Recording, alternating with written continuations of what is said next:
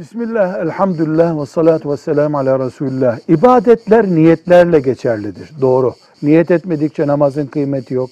Niyetsiz orucun kıymeti yok. Eylemler böyle değildir ama. Talak yani kadını boşamak bir eylemdir. Bunun için niyet ettim ya Rabbi kadınımı boşamaya demeye gerek yok. Boşama sözle olur, yazıyla olur. İster niyet etmiş olsun, ister etmesin.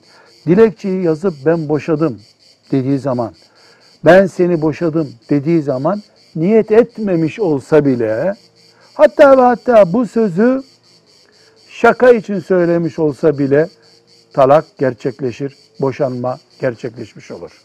Velhamdülillahi Rabbil Alemin.